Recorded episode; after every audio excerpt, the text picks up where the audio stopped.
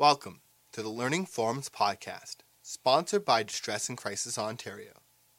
Learning Forums offers programs specifically designed for DCO member organizations.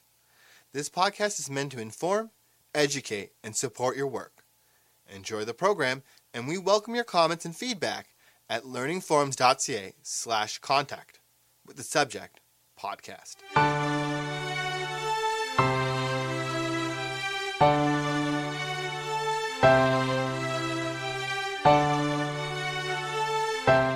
Sexual violence, we provide individual counseling. We provide group therapy or groups for survivors of sexual violence as part of our counseling program.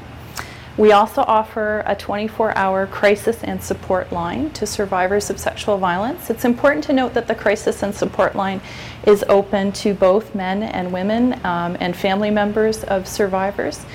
And we also provide public education to both uh, men and women in a wide variety of community groups to provide information about the issue of sexual violence. So, those are the services that are offered locally in London, where I work. And there are sexual assault centres, we often refer to them as SACs, that exist across Ontario.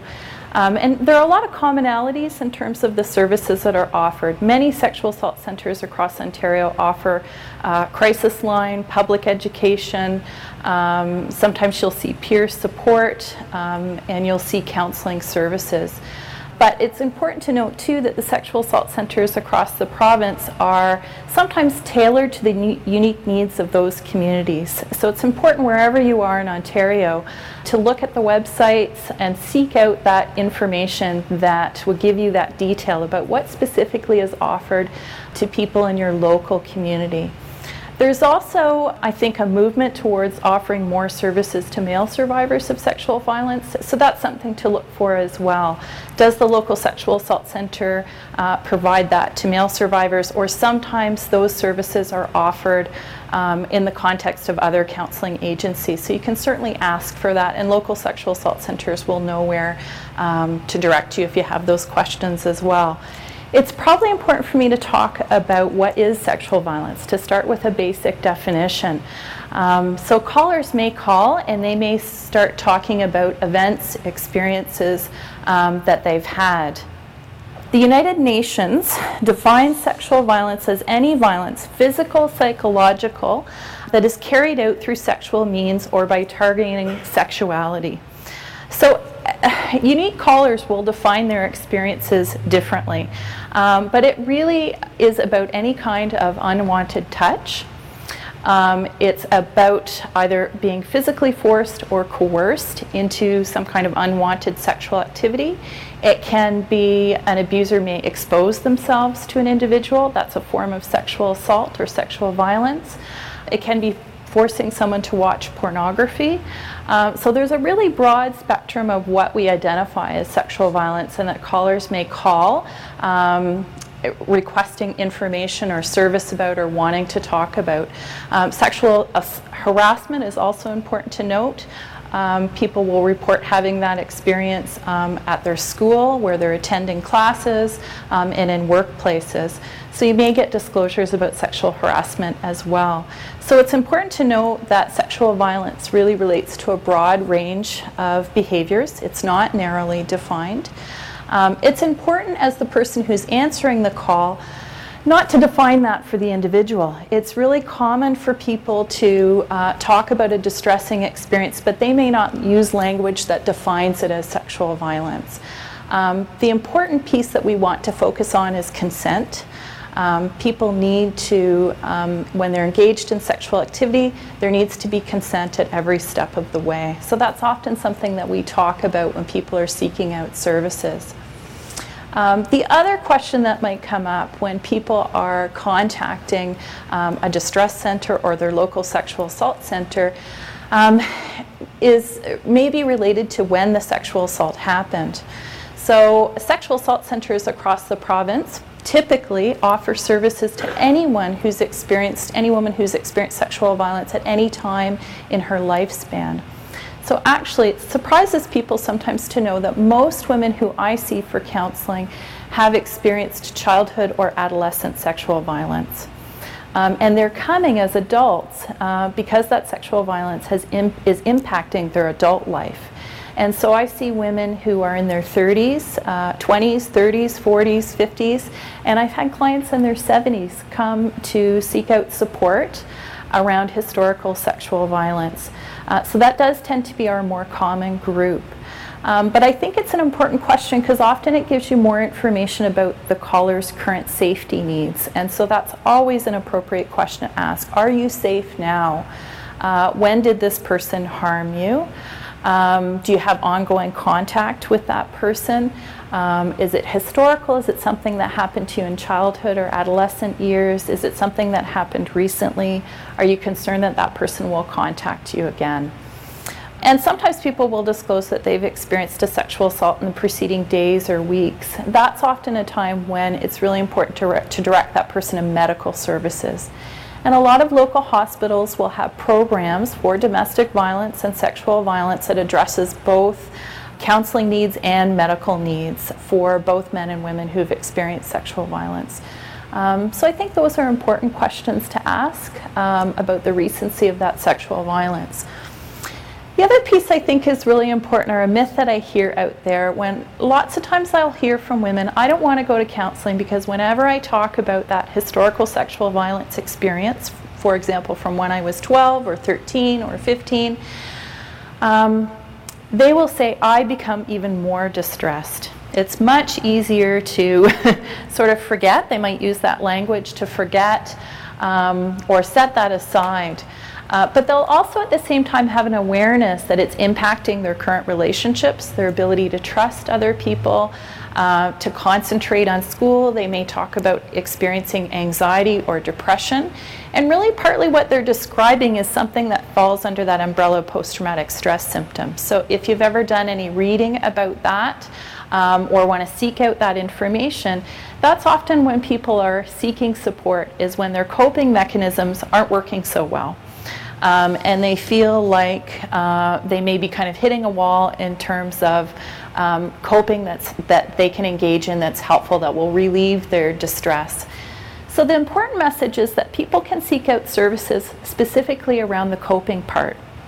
Um, and it may be helpful for crisis line workers to know, and many counselors uh, use this approach as well, that it's not necessary to revisit all the details of the sexual assault sometimes that actually can increase people's distress. So, certainly asking them, are they safe? Um, who harmed you? Are you concerned um, that you're at risk? And asking someone what they need um, are really important questions. But it's not necessarily, um, I think, imperative for healing. That's sometimes a bit of a myth that reviewing and retelling um, is really necessarily uh, the path to healing. It can be for some people, but there are multiple ways um, of addressing some of the distress um, that occurs uh, for people or the challenges um, or the fallout from experiencing sexual violence. So you can encourage people to seek out counseling that may help them cope better. Um, and it may not surprise you to know that sometimes people will engage um, in alcohol use as a way of coping with distressing feelings that come after sexual violence. Um, people may engage in self harm. We see uh, certainly a number of women that will disclose suicidal ideation or suicidal intent.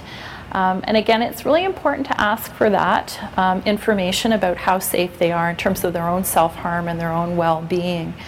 Um, so that's certainly questions that we're often asking as counselors um, and trying to really encourage people to take care of themselves and establish safety first. Those things are really important to note in terms of the impact that sexual violence has on people. It is sexual violence um, or forms of intimate abuse are one of the leading causes of mental health issues for women.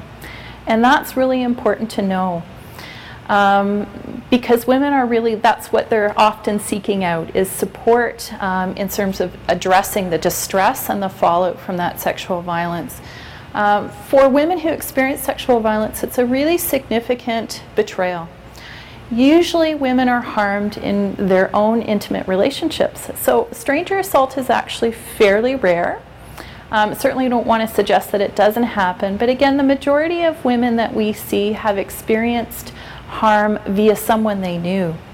Um, and so that actually increases their distress uh, because they've developed a trusting relationship with either a dating partner, um, someone that they've been in a long term relationship with.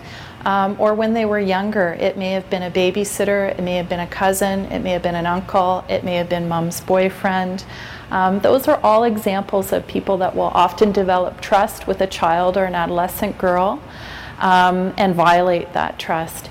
And so you can see how someone who's had that experience may really struggle to develop close relationships, either at work or at school or in their own personal lives.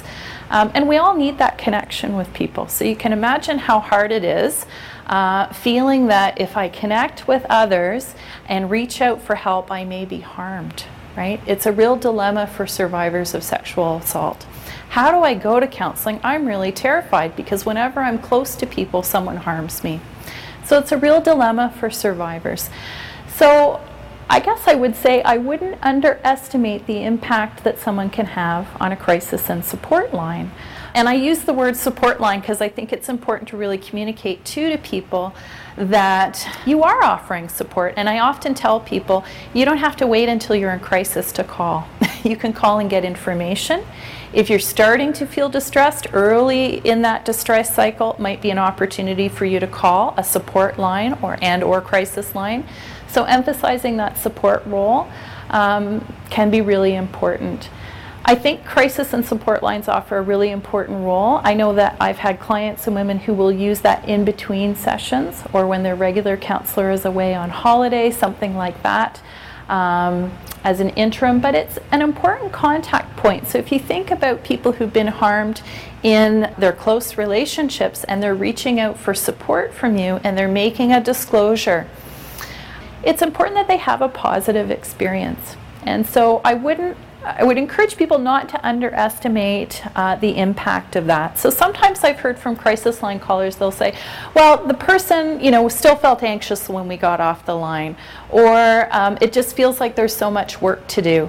And that may be true, but it can also be really powerful if it's the first time they've called or they're really distressed and they've called and they really received a validating, empathetic, encouraging response from someone, because it's a huge risk um, to make that first call or to call when you're feeling vulnerable and ask for help. Um, so again, those kinds of responses are really important and I do think are meaningful. And I try to remember that too as a counselor because sometimes people come for one appointment and I don't see them again. Um, so there's some parallels between crisis line and counselor work. And I really try to hold on to, I need to make that interaction um, and that hour that I have with them count as much as possible, but know that they may not be ready for counseling at that moment, but I try to hold on to the idea that they had a positive experience, that they felt respected, um, and that I respected their choices. So that's another important um, piece to remember in terms of sexual violence survivors. It's a huge loss of power and control to experience to be violated, to have your body violated, to experience rape or sexual assault. So if you have a helper come along and direct you and tell you what to do, it's not going to feel very good. So we don't want to make decisions for people. We want to offer resources, choices, options, um, information. We want to normalize their responses. So that's also really important. And that maybe links to what we sometimes talk about around trauma-informed perspectives. So that might be, um, you know, something you might want to investigate further. Is what is trauma-informed? And for me, the heart of what that is, it's the difference between asking someone what's wrong with you and what happened to you. So it's about understanding that um, I think most behavior and emotions have meaningful context, that people don't have distressing feelings sort of out of nowhere, that often people are having normal responses to abnormal circumstances or abnormal events. So for someone even years later to feel distressed is a pretty normal outcome from having a childhood where there was a lot of violence, neglect, sexual abuse. And so we can offer that kind of validation and normalization for people. Um, and often that's what they're looking for is something wrong with me, right? I'm feeling anxious, I'm feeling depressed, I'm having difficulty trusting people, I can't sleep at night. Um, I'm having nightmares, I'm having flashbacks, and I think we can communicate to people um, that those are normal responses to abnormal events and experiences. Um, because I think often, you know, it's one of the risks of psychology, right, is that we view the problem with the person. Um, and we don't see the larger picture and the larger context um, that women and other vulnerable uh, peoples, whether you're an Aboriginal woman or a woman with a disability or a young woman um, or a woman that's living maybe in an isolated rural community, those are all vulnerabilities. And there's a context in which that violence occurs and a context in which um, people might help be help seeking. And so to acknowledge um, the challenges in which, or the context in which people live, is really important as a crisis line caller. Um, so I hope that it doesn't sound um, too simplistic, but I can't um, emphasize enough the importance of offering an empathetic response, offering people choices and information, normalizing their experience. Um, really um, acknowledging the courage that it takes to call and ask for help. Again, remembering in the context of sexual violence, lots of times women are harmed in the process of telling. So it's one thing that I hear from a lot of um, clients is that, you know, I first told my mother, I first told my neighbor about the sexual violence because I wanted help and I wanted it to stop. And so lots of women will say, well, I wasn't believed, or I was dismissed, or things got worse. Um, so it's a huge risk for people, and we don't necessarily have that information when they're calling. So this might be their fourth or fifth or 20th attempt to get help and get a good response. So again, we can really acknowledge the courage and the risk that it takes for people um, to make that disclosure, to seek that help, and to share that information. So again, it's really normal, I think, for people when they call, they may test the waters. You may think, I'm not really sure I understand what this person is talking about. Um, or they may disclose a small part um, to see if they can trust you or to gauge your response. So I think being patient on a crisis line or a support line is really important and to understand that it may be really challenging for people to share. I did have a woman a couple of weeks ago say she called the crisis line and she got four or five words out and she couldn't say anything anymore. And she was really grateful that um, the support worker on the other end of the phone really waited for her. She said she was out of breath and her heart was racing and it was a really difficult call for her. Um, so, again, you know, being patient, empathetic, validating, and normalizing um, people's responses um, to sexual violence can be really important. And that bigger picture and seeing things in a context. Uh, we know that two out of every three women will experience some kind of sexual violence um, within their lifetime, and that's a huge number.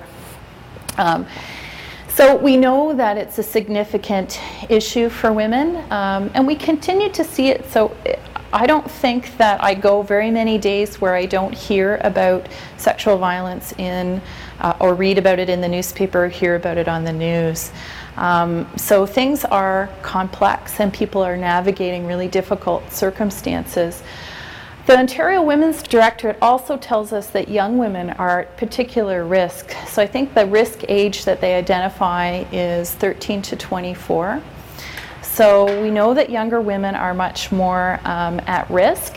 And so if you think about the developmental needs of an adolescent girl, it's going to be different from an adult woman.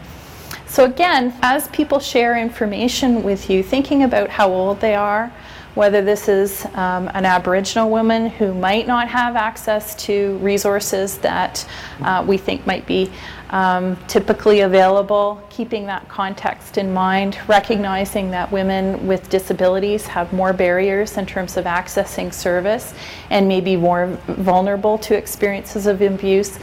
Um, so just holding that context is really important. Um, I've done a lot of work with young women, and again, I think their needs are pretty unique, and we need to uh, be mindful of that. Young people developmentally um, ha- do have some unique needs. I'm sure that we all can remember back to when we were teenagers. Sometimes we were impulsive. Sometimes we were really focusing on developing friendships. um, and our own identities. So when I think about some of the young women who we've been hearing about in the media who've experienced sexual violence, um, and sadly some who have committed suicide, it's important to recognize that rape or sexual violence puts people at risk for suicide, suicidal ideation, or um, people plan to harm themselves. The shame um, that and the distress after experiencing sexual violence is really significant. Um, and those things are very hard to, to navigate, I think, for young women. Um, they may not have access to the same kinds of resources, um, and you know they're sort of de- in the process of developing who they are as people. And so I think a common response to sexual violence is well, because something bad has happened, I must be bad. And so that can be something that you can listen for. Because you've had a bad experience, because something traumatic has happened, it's not a reflection of who you are as a person. Um, there's still a lot of cultural myths and messages that people internalize about sexual violence that women cause this. It has to do with what they're wearing or their behavior um, or the choices that they make. So somehow they're responsible for the sexual violence. So we never want to communicate that to people when they're seeking out help. We don't want to reinforce any of those blaming messages that are out there in the culture um, and that still exist. Um, so, again, a supportive, empathetic, validating response that kind of puts um, violence against women in a larger context, a larger social context, I think can be really helpful. Before I close, I just want to talk a little bit more about post traumatic stress symptoms. So, callers may present that. Um, and they may not name it as post traumatic stress, and it's not particularly, I think, important as a caller to be able to define that, but to identify that those responses are pretty common or typical for people who've experienced sexual violence.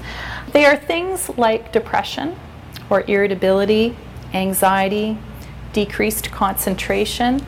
Feeling numb, often people who've had a sexual violence experience will either really struggle with feeling too little or too much.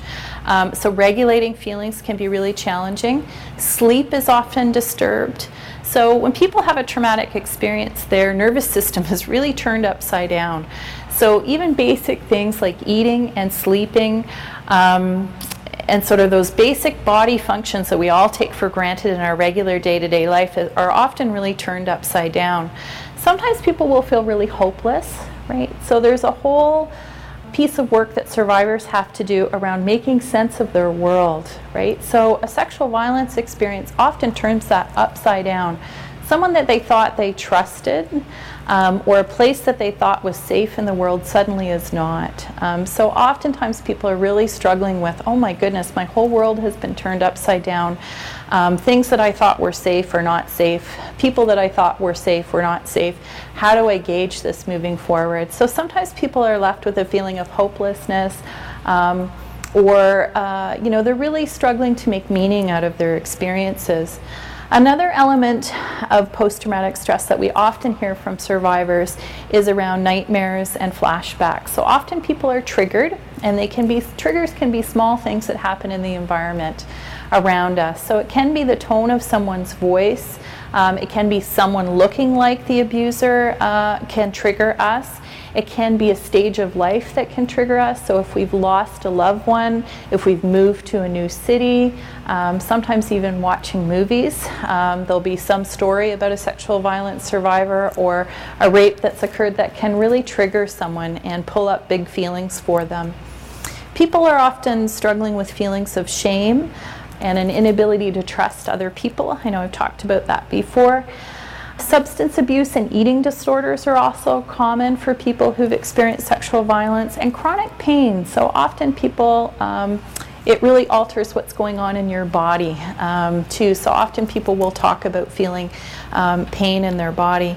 And again, the r- most important piece to remember is that these are all normal reactions to an abnormal event. And so what people will do is they'll flip it and think something's wrong with me. I'm abnormal because I'm feeling all of these things and all of this distress. Um, and we can gently reframe that for people that these are normal responses to a highly distressing or traumatic experience. Um, so that's important, and that's part of not blaming the victim, right? Is to be able to put that in context.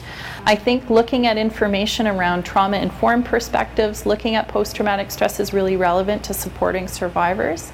Being aware too that men may call the line and talk about a sexual violence experience. I think more and more in our culture, there's been more permission for men to come and talk about their experiences in adolescent or childhood around sexual violence. We've had some famous hockey players come forward, and I think that's given people a lot of permission.